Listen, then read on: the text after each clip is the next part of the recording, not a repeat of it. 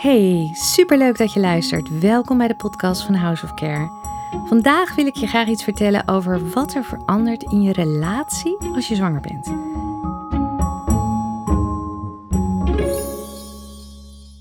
Want als je weet dat er überhaupt iets gaat veranderen en als je weet waarom dat precies in zit, dan kun je allerlei valkuilen voorkomen die best veel stellen de kop kosten. Of nou ja, klinkt niet zo heel erg gezellig, maar ja, wat wij vaak horen en wat we vaak zien is dat veel stellen elkaar kwijtraken en uiteindelijk zelfs in de loop der jaren uit elkaar kunnen gaan.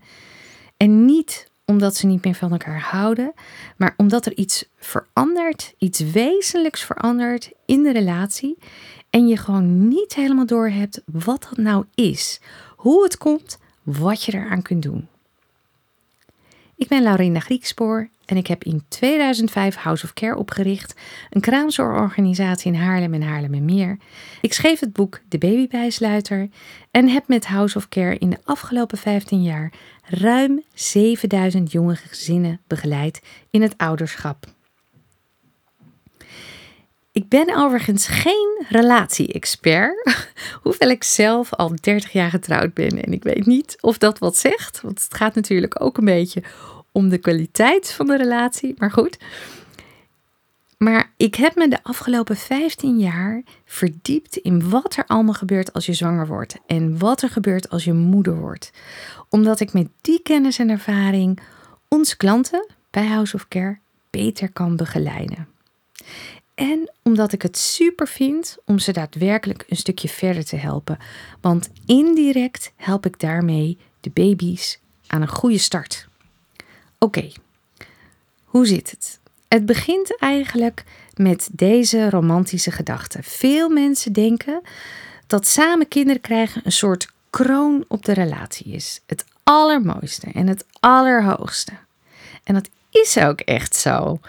Maar dat het tegelijkertijd heel veel verandering brengt in die relatie. En dat veel relaties dat niet overleven. Dat beide partners er ongelukkig onder worden. Dat wordt bij die kinderwens dan een beetje vergeten. Vergeten is eigenlijk niet het juiste woord. Want als je het niet weet, dan kun je er ook niet aan denken. En omdat ze niet laten meewegen, omdat ze zich hier niet op voorbereiden, gewoon omdat ze niet weten, zich er dus ook niet in verdiepen, komen onuitgesproken verwachtingen niet uit en ontstaat er onvrede, teleurstelling, uh, irritatie. Ik ga je uitleggen hoe het zit, want dan weet jij het in ieder geval wel. Oké, jullie hebben een fijne relatie. Je hebt een goed leven samen. Weinig zorgen. Je doet samen leuke dingen, maar ook los van elkaar je hebt een leuke baan of misschien heb je op dit moment geen leuke baan, dan ben je misschien op zoek naar een leuke baan. Je partner heeft ook een goede baan of een leuke baan. Ehm, jullie hebben misschien een eigen huis kunnen kopen. Of jullie zijn van plan om een eigen huis te kopen. Je verdient je eigen salaris. Dus geld is eigenlijk ook geen issue. En zowel je partner als jij hebben daarnaast ook een uh, eigen sociaal netwerk, je eigen vrienden, zowel hij als jij, je eigen familie natuurlijk, je eigen bezigheden, je hobby's, je sport, je favoriete tijdsbestedingen, uh, nou ja, een, een heel eigen ritme zou je bijna kunnen zeggen. Want als jij bijvoorbeeld met vriendinnen afspreekt, en dan gaat je vriend of je man een avondje kaarten met vrienden, of hij is gewoon thuis, ehm, of hij gaat sporten, of hij gaat voetbal kijken. Een beetje lekker cliché voorbeeld. Uh, wat ik nu weer verzin. Um, maar andersom gaat het ook zo. Want als hij een avondje weg is, dan ga jij niet op hem zitten te wachten, maar dan ga je je eigen ding doen. Kortom, je hebt samen leven, maar je hebt ook los van elkaar een leven. Je bent onafhankelijk van elkaar, sociaal en financieel onafhankelijk. En dan besluit je op enig moment dat je samen een kindje wil. En zodra je zwanger wordt, ontstaat de ongelijkheid. En dit is een belangrijk moment, want dit klinkt best wel heftig. De hè, ongelijkheid klinkt niet fijn, maar ehm, dus niet het, het is juist zo interessant om te weten hoe dat zit.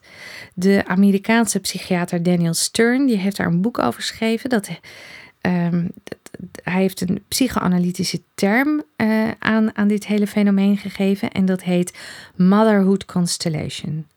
En dat concept van Motherhood Constellation is overigens wel breder dan alleen maar de relatie tussen de partners. Maar ik pak dit stukje er nu even uit, omdat het zo belangrijk is om te begrijpen. Want zodra je zwanger wordt, dan start die ongelijkheid en dan verschuift je relatie langzaam naar afhankelijkheid van elkaar als je kindje er eenmaal is. Dus voordat je het weet, kom je in allerlei automatische processen terecht. Een traditioneel rollenpatroon. Ik, ik merk dat, ik zie dat om me heen bij vriendinnen. Ik merk dat ook bijvoorbeeld binnen onze organisatie. Als bijvoorbeeld een medewerkster van ons, als daar een van de kinderen ziek wordt, dan is uh, de vrouw, ons medewerkster dus, sneller geneigd om te zeggen: Oké, ik ga naar huis, ik, kan, ik moet naar huis, want mijn kind is ziek.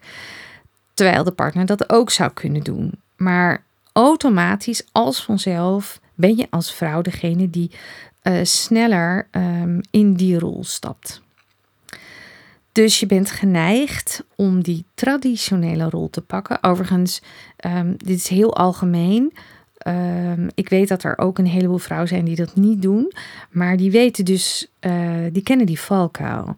Dus die willen daar niet instappen. Die weten, die, die, die hebben dit ook besproken in hun relatie. Dus het is niet zo dat dit automatisch uh, voor iedereen geldt. Als je niet oplet, gebeurt dit zo. Dan kom je dus geneigd, of dan ben je geneigd om die traditionele rol te pakken. In plaats van uh, een positie ten opzichte van je partner te claimen. En dit klinkt wel een beetje feministisch, zou ik bijna willen zeggen. Of geëmancipeerd. Maar um, dat, het woord, dat komt door het woordje claimen. Maar toch is het wel wat het is. Want als jij dus automatisch die traditionele rol pakt, dan is dat de ideale situatie om de balans tussen werk en privé kwijt te raken. En dan raak je uiteindelijk overwerkt, want er ligt er thuis ook nog veel te veel. En dan, nou ja, dan, dan, dan ga jij al die ballen in de lucht houden. En denk vooral niet dat het alleen geldt voor vrouwen die altijd al graag kinderen wilden, al toen ze heel jong waren. Of vrouwen die al kinderen kregen op hun 22ste of zo. Of voor vrouwen die hun werk niet zo belangrijk vinden. Of wel gewoon wat mindere, nou ja, carrière-tijgers zijn of zo. Het is raar, maar ik heb dit patroon ook gezien bij vrouwen die geëmancipeerd zijn. En die heel eigenzinnig in het leven staan. Ik heb het bij mezelf gezien. En ik ben altijd ondernemer geweest. Sterker nog, ik ben kostwinner. Blijkbaar is dit zo sterk als je zwanger bent en je moeder wordt, dan ga je gelijk rekening houden met je kind, met je zwangerschap. Want je moet wel.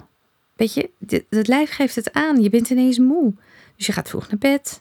Je slaapt ook af en toe overdag. Je merkt dat je niet zoveel energie hebt.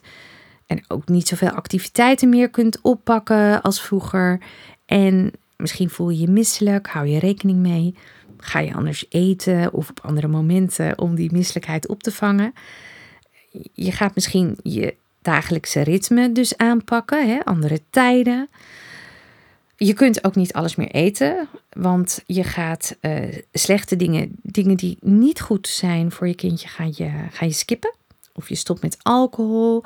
Als je rookt, dan stop je met roken alles waarvan je weet dat het schadelijk kan zijn voor je kindje. Dus je houdt direct, zodra je weet dat je zwanger bent, hou je er rekening mee. Je voelt die verantwoordelijkheid, dat is zo evolutionair bepaald. Terwijl bij je partner, daar verandert er eigenlijk niet zoveel. In ieder geval niet fysiek. ik, ik, merk wel dat uh, sommige partners vinden het lastig dat hun vrouw of vriendin ineens minder energie heeft en moe en misselijk is en zo. Weet je, ja, een vrouw die altijd zo sterk en onafhankelijk was, ja, die vrouw die verandert. Je kunt je vast voorstellen dat het voor een man best even wennen is. Sterker nog, ik kan me dat nog heel goed herinneren. voor mijzelf was het ook enorm wennen, want ehm, ja, ik was gewoon niet helemaal mezelf. En je gaat je steeds meer naar binnen richten. Hoe verder die zwangerschap zich uh, ontwikkelt uh, richting de 7, 8, 9 maanden gaat.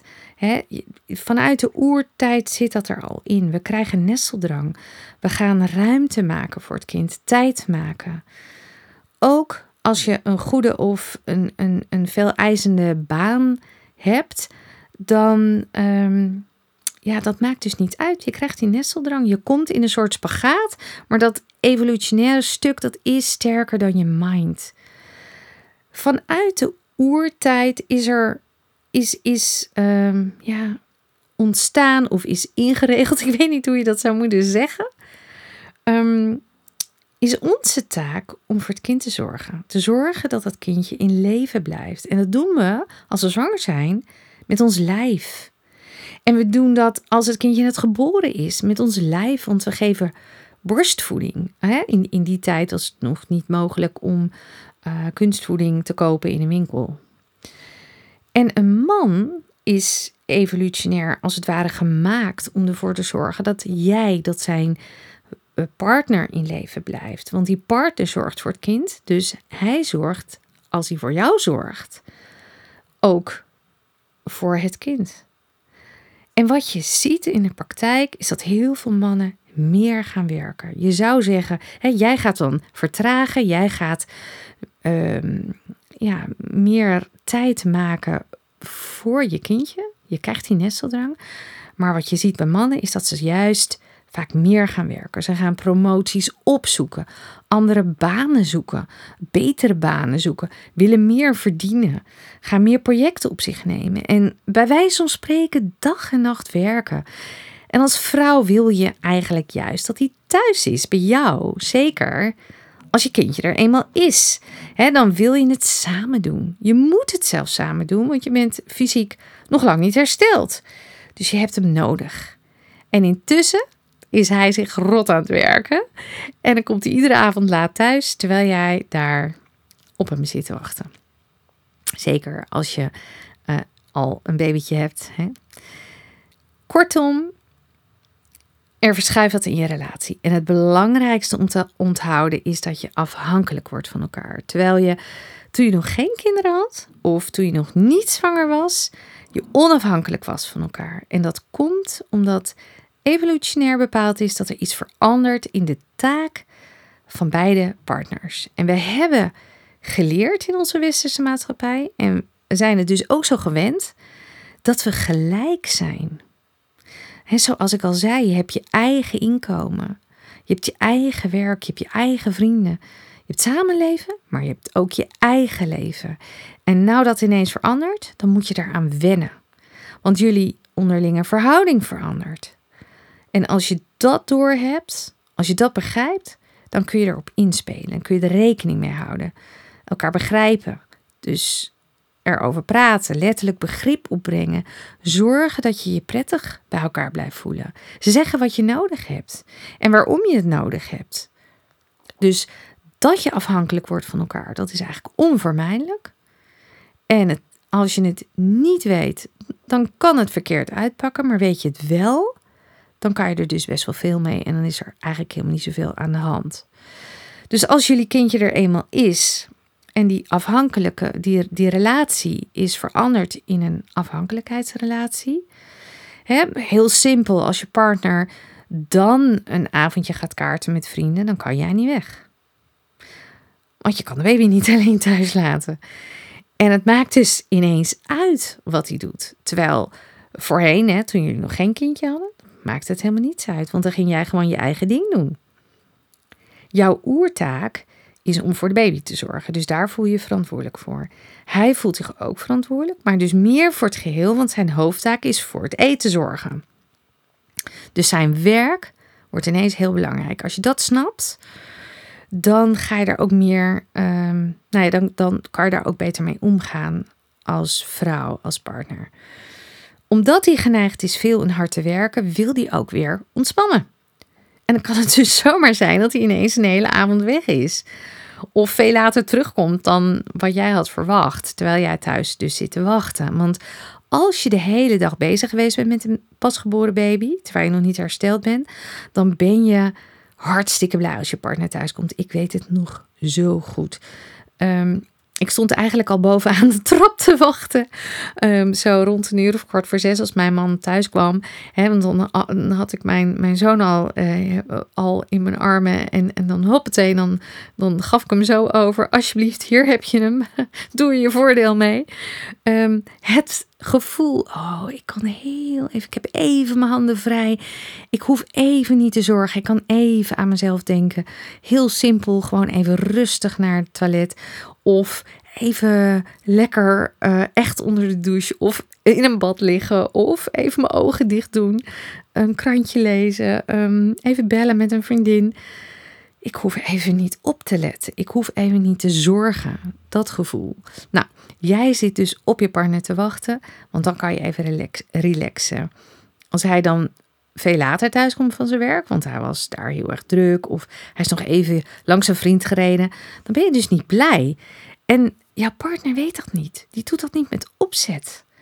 Als je niet doorhebt wat er dus allemaal verandert als je eenmaal kinderen hebt, als je alleen kijkt naar die obvious dingen, dan kun je dit soort veel subtielere dingen dus missen. Dan, dat, daar zie je dan overheen, dat, dat snap je dan gewoon niet. Als je nu nog steeds luistert en je denkt, oeh, dit is toch wel interesting stuff, hier kan ik wat mee. Um, voel je vrij om een screenshot te maken en onze tag op Instagram, het House of Care underscore. Want hoe meer moeders en vaders trouwens, bedenk ik me nu, we kunnen bereiken, hoe mooier het is natuurlijk. Want hoe gaaf is het niet als al die um, kleine, lieve, pasgeboren babytjes hele gelukkige vaders en moeders hebben die het goed met elkaar hebben geregeld. Dat is dus mijn doel van deze podcast.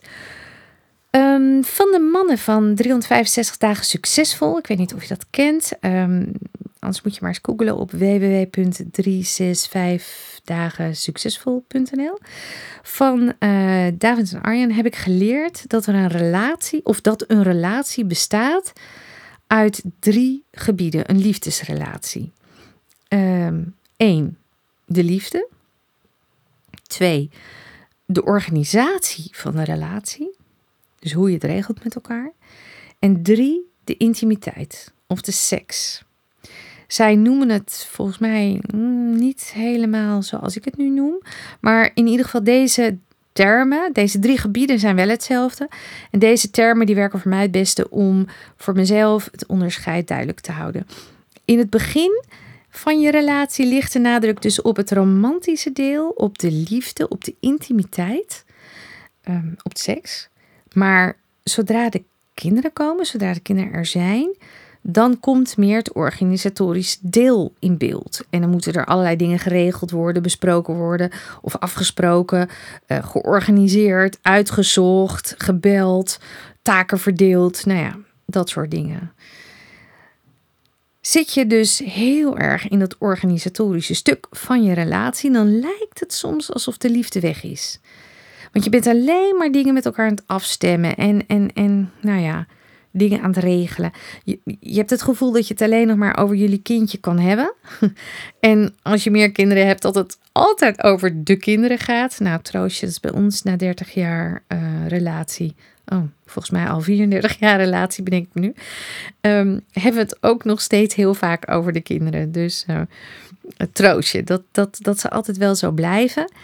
Maar het contact tussen jullie, dat wordt gewoon meer functioneel. Hè? Denk, uh, hoe laat eh, ben je thuis? Uh, wie zorgt voor het eten? Um, heb je nog boodschappen gedaan? komt je moeder vanavond oppassen? Zet jij nog de vuilniszak even buiten? Of, um, nou ja, whatever. Dat soort dingen. Je bent jullie gezin, want dat is het nu eigenlijk, aan het managen. Um, Overigens bedenk ik me nu, als je dat echt goed weet te verdelen, al die taken, als je dat functionele stuk goed weet te regelen, en je dus weet dat die liefde niet voorbij is, die is er echt nog wel. als je die functionele zaken weet te verdelen en het echt samen doet, dan geeft dat ook heel veel saamhorigheid. Ehm, ja, versteviging van je relatie. Maar dan moet er wel sprake van gelijkwaardigheid zijn. En door die verschuiving ligt dat gewoon onder druk. Dus dat moet je goed in de gaten houden. Vaak zie je dus het tegenovergestelde. veel vrouwen, omdat ze toch al verlof hadden na hun bevalling en dus de hele dag thuis waren, die gaan veel van die organisatorische zaken voor hun rekening nemen. Nou, ga dat nog maar eens even terugdraaien als je dan weer aan het werk gaat. Kortom, je zadelt jezelf dan op met allerlei dubbele taken. Intussen heeft je partner geen idee dat dit onhaalbaar is, gewoon niet reëel. Um, de romantiek verdwijnt, het gevoel van jullie samen lijkt ver weg. En als je dan ook nog eens hartstikke moe bent, want je bent pas bevallen, je moet wennen aan het nieuwe leven, aan je nieuwe rol. Voor je het weet, zit je dan midden in zo'n functionele relatie waar je alleen maar dingen aan het regelen bent met elkaar en elkaar niet goed meer kan vinden. En dan ben je misschien ook nog wel geneigd, want dat doen wij vrouwen soms een beetje, zeg ik heel voorzichtig. Um, dan ben je misschien ook nog wel geneigd om het niet duidelijk te communiceren, want nou ja, dan denk je, hij kan het toch zeker zelf wel zien. Hij kan het toch wel, hij snapt dat toch wel, hij ziet het toch wel. Nee dus. Ja, als je dan non-verbale signalen gegeven, dat, dat snapt een man sowieso uh, heel vaak niet ja, dan, dan gaat hij zich ook steeds vervelender voelen. Dus praat erover. De liefde is er nog steeds, maar is gewoon naar de achtergrond geraakt. Dat deel, dat middelste stuk, dat tweede punt, het organisatorische stuk van je relatie, dat staat nu centraal. Dat ligt voorop, daar heb je elkaar gewoon heel erg in nodig. Afhankelijkheid. En elkaar iets gunnen. Joh, uh, ga jij maar even lekker slapen of ga jij even lekker in bad? Ik regel de baby. Weet je, het is misschien niet zo sexy meer, maar het versterkt wel je relatie en het helpt je er door die eerste toch wat pittige jaren uh, van kleine kinderen heen. Kinderen krijgen is een duobaan. Je hebt elkaar nodig. Zeker in die eerste jaren. Je kan ze nog geen vijf minuten alleen laten.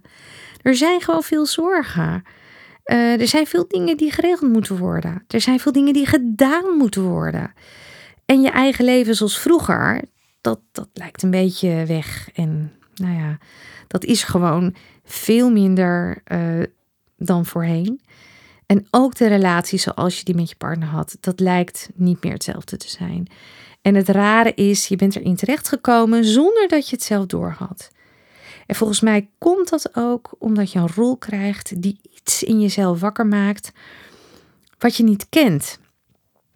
Ehm, als je geen moeder bent, zit je vaak, nou ja, dan, dan, dan, dan heb je deze gevoelens die je nu hebt, gewoon nog nooit uh, gehad. En dat is niet raar, want die gevoelens die komen op het moment dat je zwanger bent. Weet je wel, vanuit die oortijd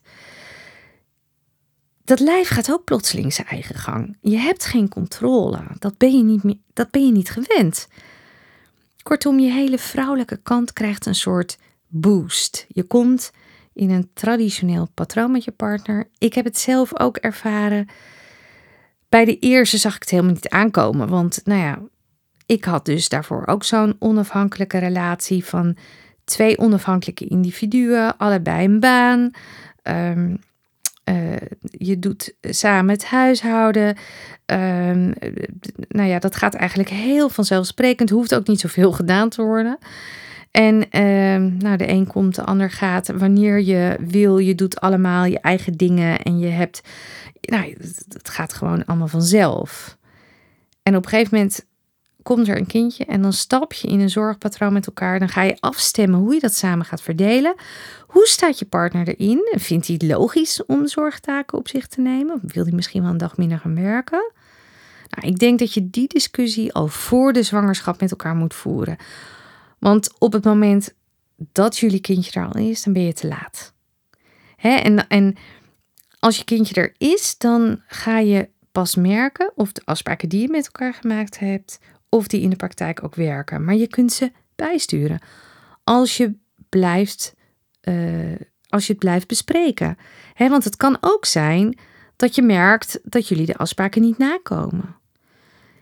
Ik, ik merk in mijn eigen omgeving, bij mezelf ook, uh, maar ook wat ik hoor van onze klanten, dat je als vrouw snel geneigd bent, als je man of je partner um, een aantal uh, afspraken niet nakomt of een aantal taken niet oppakt, dat je dan als vrouw snel geneigd bent om die oplossende rol te pakken.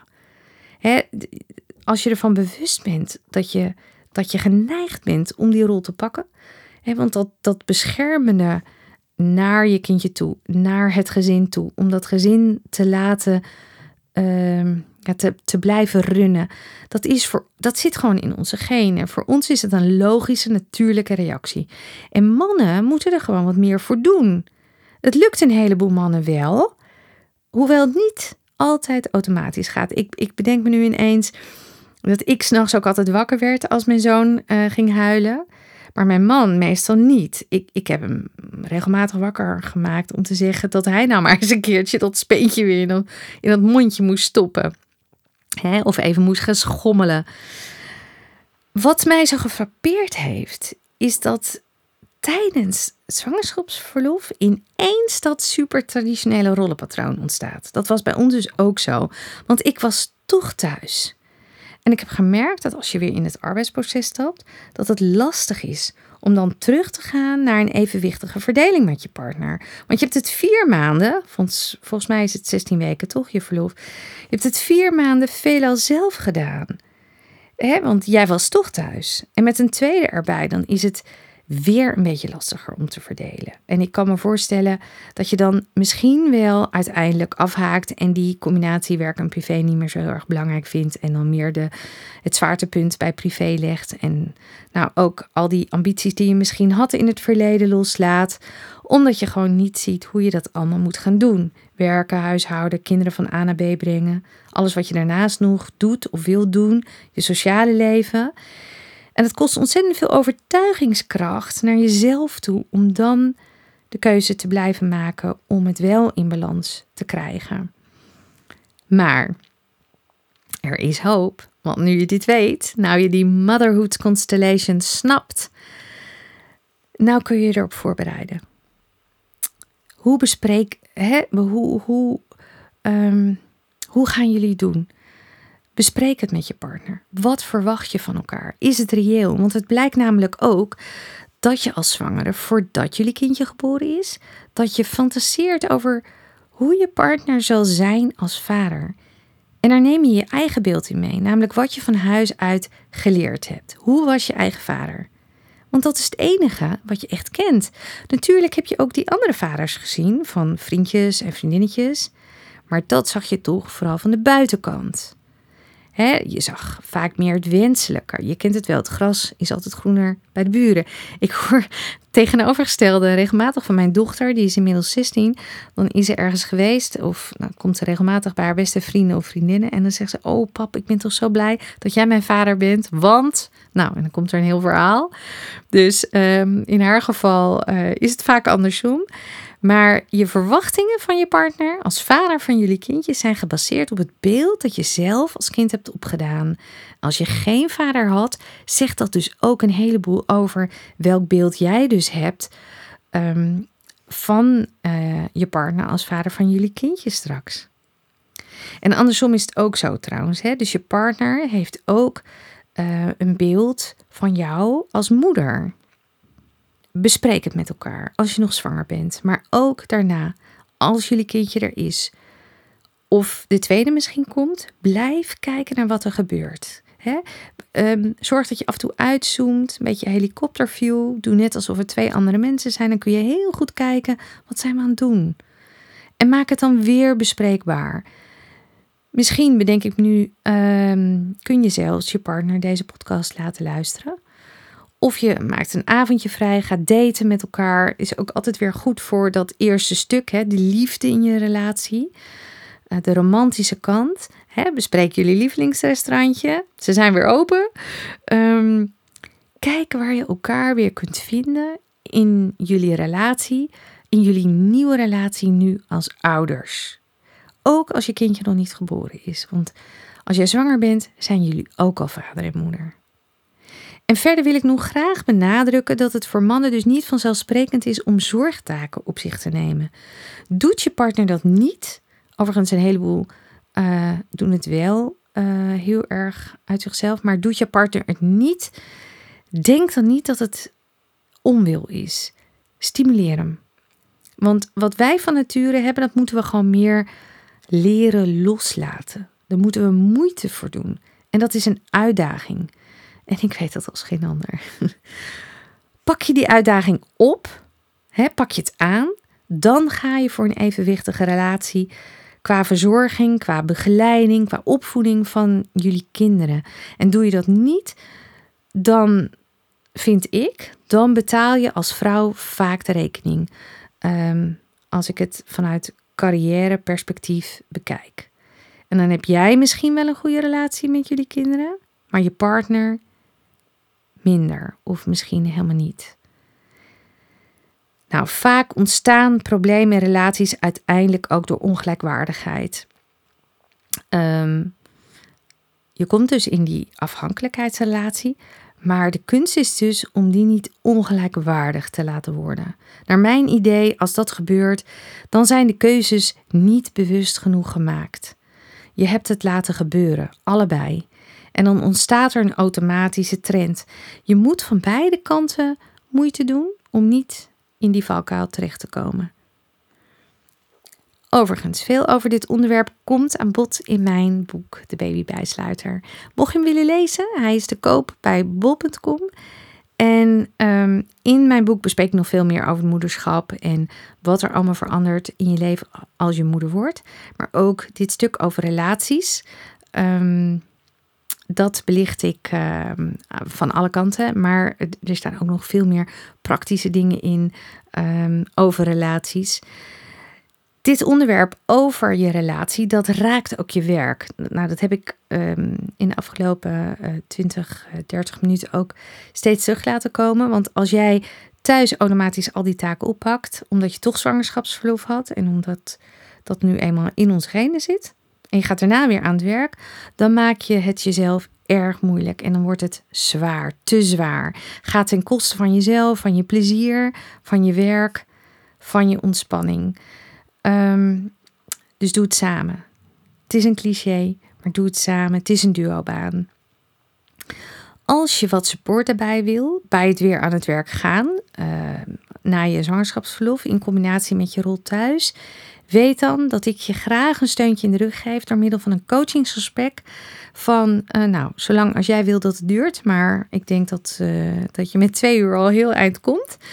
Um, meer info daarover of het maken van afspraak, uh, dat kan via onze website www.housecare.nl. De kosten van de coaching, dat zijn 199 euro. je kunt ook je werkgever vragen om dit te betalen. Je hoeft overigens geen kraamzorg bij House of Care gehad te hebben. Um, het maakt ook niet uit waar je woont, want de coaching is online.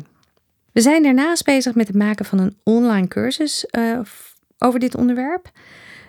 Binnenkort kun je ook aanmelden voor de wachtlijst. Hou onze social media in de gaten voor meer info over hoe en wanneer je een kaartje kunt kopen, waar het over gaat, wat je erin gaat leren. Cursus kost 59 euro. Super leuk dat je er weer bij was. Ik hoop dat je er iets aan gehad hebt.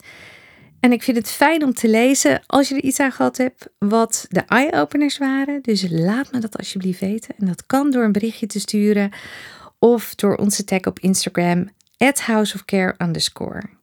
En als je een review achterlaat, dan wordt deze podcast ook sneller zichtbaar voor andere moeders of vaders dus. Als je het interessant vond, abonneer je dan op onze podcast, zo hoef je geen aflevering te missen komt er bij iedere nieuwe aflevering automatisch een melding op je telefoon. Dankjewel voor het luisteren. Fijne dag verder en tot een volgende keer.